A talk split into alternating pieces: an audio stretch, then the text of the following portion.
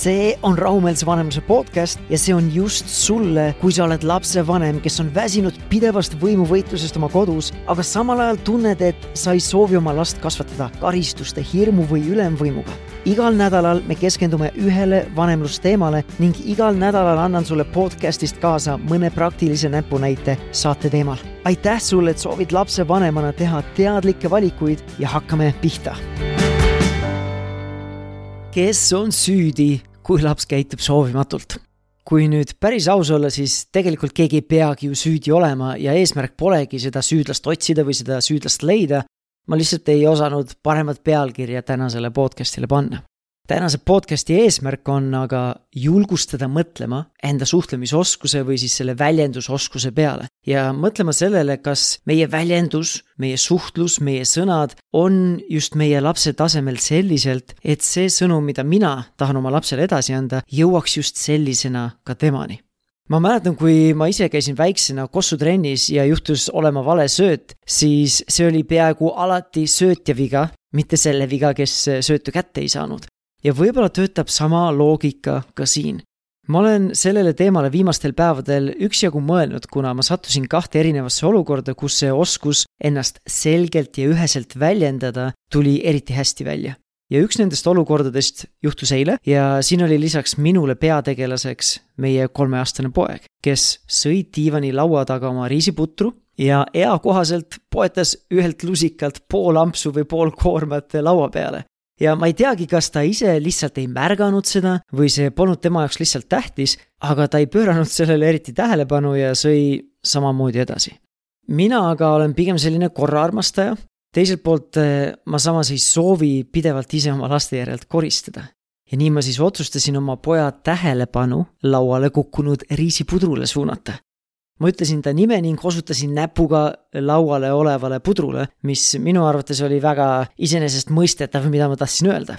minu laps aga vaatas mulle otsa, siis vaatas pudru poole ja enne kui ma jõudsin reageerida, lükkas selle kleepuva riisipudru hunniku kiire hooga laualt minema ja otse diivani peale ühelt poolt see oli nii närvi ajav, et ma tahtsin tõesti ärrituda, kuna laps ei käitunud minu soovi järele, kuigi minu arust oli minu soov väga iseenesestmõistetav. ja tegelikult minu laps tegi ju selle olukorra isegi veelgi hullemaks, kuna nüüd oli see kleepuv puder mitmes osas ja tükis diivani peal, mitte laua peal, kus oleks seda olnud lihtsam koristada.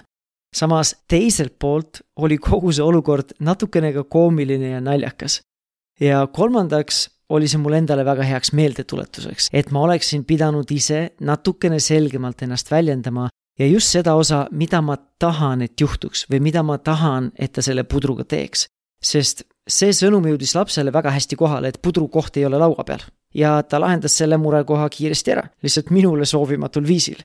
ehk siis puudulikuks jäi minu väljendus just selle koha pealt, mida ta oleks pidanud selle pudruga tegema ja kuigi see olukord oli ärritav, siis kuidas ma oleksin saanud oma lapse peale vihastada?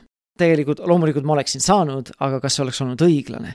tema ju oli omas mullis, oma mõtetes ning ma ei saa oodata, et ta loeks minu mõtteid, kui eh, kogu minu suhtlus piirdus tema nimega ja näpuga sellele pudrule osutamisega. ja teine näide selge suhtlemise olulisusest juhtus üks-kaks päeva enne seda, kui ma läksin üle pika aja jälle juuksuri juurde või juuksurisse mul on tegelikult äh, tavaliselt üks kindel juuksurisalong, kus ma käin ja kuna ma olen seal juba päris pikalt käinud, siis ma tegelikult väga detailselt ei pea seletama, mida ma soovin, et minu juustega tehtaks, sest nad juba teavad, mis värk on ja mis mu soovid ja eelistused on. seekord aga, kuna see oli võrdlemisi eksprompt või kiiruga tehtud otsus juuksurisalongi minna või juuksurisse minna, siis ma läksin täiesti uude salongi, kus ma varem polnud kunagi käinud ja ma sain siis nii-öelda juunior juuksuri juurde ning kõige tipuks veel inglisekeelse juuksuri juurde. ja ma alguses tegelikult ei mõelnud üldse sellele, et ma olen uues keskkonnas ning äh, ma olin harjumuspäraselt täpselt sama napisõnaline oma soovidega nagu tavaliselt oma nii-öelda tavapärases või reeglipärases juuksurisalongis ja nüüd, kui see juuksur tegi midagi teisiti, kui minu tavaline juuksur oleks teinud või eh, kui ta ei osanud mu mõtteid lugeda, sest ma väga selgelt ei seletanud, mida ma tahan, siis ma tundsin, kuidas kogu see olukord kas ärritas mind või ajas kuidagi nagu trotsi täis ja ühel hetkel ma taipasin, et see minu oma mõtetes marineerimine või rumineerimine ei aita tegelikult ju sellel juuksuril mind paremini teenindada, ja ma lõpuks siis otsustasin temaga vestlusesse astuda ja siis seletada, mida ma tegelikult soovin. Siis aga ma avastasin, et kuigi ma tunnen ennast inglise keeles väga koduselt, siis ma ei oska seda kõike nii soravalt ja selgelt väljendada, kui ma tahaksin. Õnneks oli selles salongis ka siis meisterjuuksur koha peal, kes sai aru, et me oleme omavahel natukene kimbatuses ja tuli meile appi ja lõpuks saimegi kõik sotid selgeks räägitud ja soeng sai ka enam-vähem ootustele vastama. Need kaks näidet illustreerivad tegelikult väga hästi, kui oluline on ennast selgesõnaliselt ja üheselt väljendada. Ja tänase podcast'i põhieesmärk ongi mõelda sellele, kas me oleme oma soovide, oma vajaduste või oma juhiste või korraldustega, mida me tahame oma lapsele edasi anda, selged ja üheselt mõistetavad. kas need sõnumid või need korraldused või juhised jõuavad ka teise osapooleni just sellised, nagu meie neid mõtlesime? ja kui laps ei mõista meid õigesti, siis tegelikult vähemalt osa sellest vastutusest lasub meil, lapsevanematel. Ja siinkohal ma tahaksingi sinuga jagada viite mõtlemise kohta või viite soovitust, mis aitaks meil kõigil oma suhtlemises oma lapsega olla natukene selgemad ja üheselt mõistetavamad. esimene soovitus on kuulata oma last, sest tegelikult suhtlemine ei ole ju ainult rääkimine, suur osa sellest ongi kuulamisel ja minu soovitus ongi kuulata oma last, mitte ainult sõnu, mida ta kasutab, aga püüda tõesti aru saada ka tema emotsioonidest ja vajadustest. Ja teine oluline koht selle kuulamise juures on aeg-ajalt küsida ja kuulata, kas laps mõistis, mida ma talle öelda tahtsin.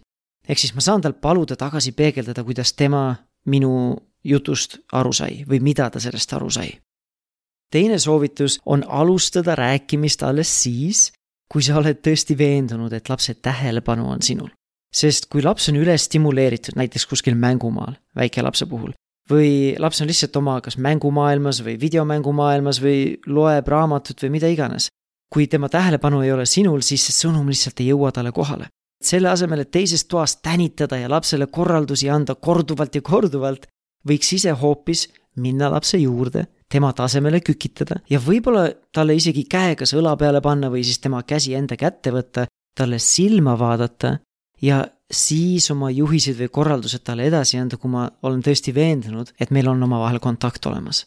ja ma loodan, et sa ise ka näed, et selle näite puhul, mis ma just jagasin, see on efektiivsem suhtlemise viis kui see, et ma kümme korda teisest toast hõikan või tänitan. soovitus number kolm on pideva kordamise asemel anna lapsele aega see info vastu võtta. Ja ma ütleks, et mida noorem on laps, seda rohkem aega läheb tal vaja, et seda korraldust nii-öelda protsessida või omaks võtta või läbi mõelda. kui vaja, siis ma ei tea, loe kas või mõttes viieni või kümneni, oleneb, kui kiiresti sa loed, enne kui sa siis oma lapse uue sisendiga verbaalselt üle kallad soovitus number neli, mis on natukene seotud selle eelmisega, kasutada nii vähe sõnu kui võimalik eriti kui lapsed on noored. Ja ma ütleks siin samamoodi, et mida noorem on laps, seda lühemad võiksid meie verbaalsed sõnumid või korraldused olla. näiteks kui laps on alles kahe või kolmeaastane ja ma tahan, et ta õue minnes paneks mütsi pähe, siis teinekord piisabki sellest, et kui lapse tähelepanu on minul, ma ütlen talle lihtsalt müts ja patsutan enda käega enda pea peale, et näidata, et kuhu müts käib, et müts tuleb pähe panna.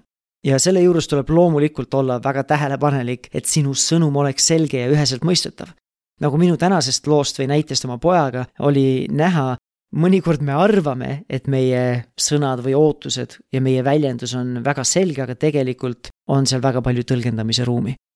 ja viimane, viies soovitus on see, et korraldused võiksid olla pigem positiivsed kui negatiivsed ja ma ei mõtle seda, et me peaksime mingi võltsnaeratusega oma korraldusi edasi andma, vaid pigem seda, et me väljendaksime just seda, mida me tahame et juhtuks või seda, kuidas me tahame, et meie laps käituks ja mitte siis ainult seda, mida ei tohi teha.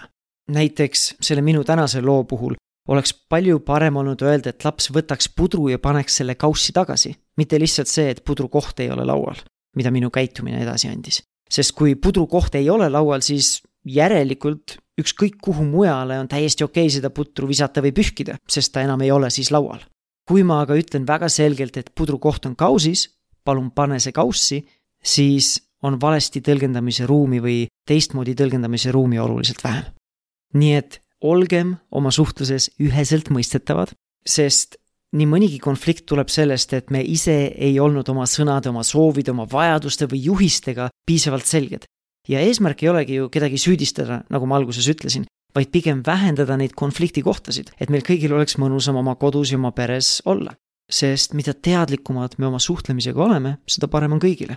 Eks seal ole palju asju, mida me saame teha, et efektiivsemalt või üheselt mõistetavamalt suhtuda, aga ehk täna siis piisab nendest viiest soovitusest, eriti mis puutub äh, lapsi ja väiksemaid lapsi. esiteks oli kuulata oma last ja kuulata ka seda, kuidas tema sind mõistis teiseks, alustada oma lapsega rääkimist siis, kui sa oled veendunud, et lapse tähelepanu on sinul. kolmandaks oli see, et mida noorem on laps, seda lühemad ja otsekohesemad võiksid need juhised olla. Neljandaks oli anda lapsele ka aega seda sõnumit vastu võtta ja viiendaks väljendada pigem oma soove, ehk siis seda, mida sa tahad, et juhtuks, kui seda, mida sa ei taha, et juhtuks või sa ei taha, et ta teeks. sellised mõtted siis tänasest podcast'ist mul on väga huvitav kuulata ja näha või lugeda, mis on sinu mõtted, kuidas sa suhestud selle tänase saate teemaga. ja egas muud midagi, aitäh sulle kuulamast, mõnusat praktiseerimist ja järgmise korrani, tšau.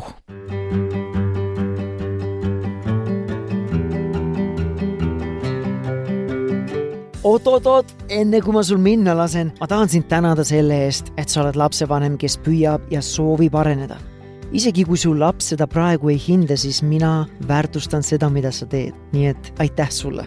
ja kui tänane podcast läks sulle korda, siis suurim kompliment, mida sa mulle teha saad, on soovitada seda podcasti vähemalt ühele oma tuttavale. tänutäheks ma tahan sinuga jagada ühte oma lemmikraamatu kokkuvõtet nagu sina ja mina teame, pereelu on vahepeal nii kiire, et ei jõua kõiki neid häid raamatuid kaanest kaaneni lugeda ja just sellepärast ma olen kokku pannud ühe enda arust parima vanemlusraamatu Lapse ajukeskne kasvatus lühikokkuvõte ja ma tahan seda sinuga jagada. sa leiad selle lühikokkuvõtte veebist taneljappinen.com kaldkriips kingitus. ja lõpetuseks ma tahan sulle meelde tuletada, et me keegi ei ole täiuslik lapsevanem ja see polegi oluline. Täiuslikkus ei tohiks kunagi olla mõõdupuu või isegi eesmärk oluline on, et sa liiguksid samm-sammult paremuse ja rahumeelsuse poole. nii et edu sulle sellel teekonnal ja järgmise korrani, tšau!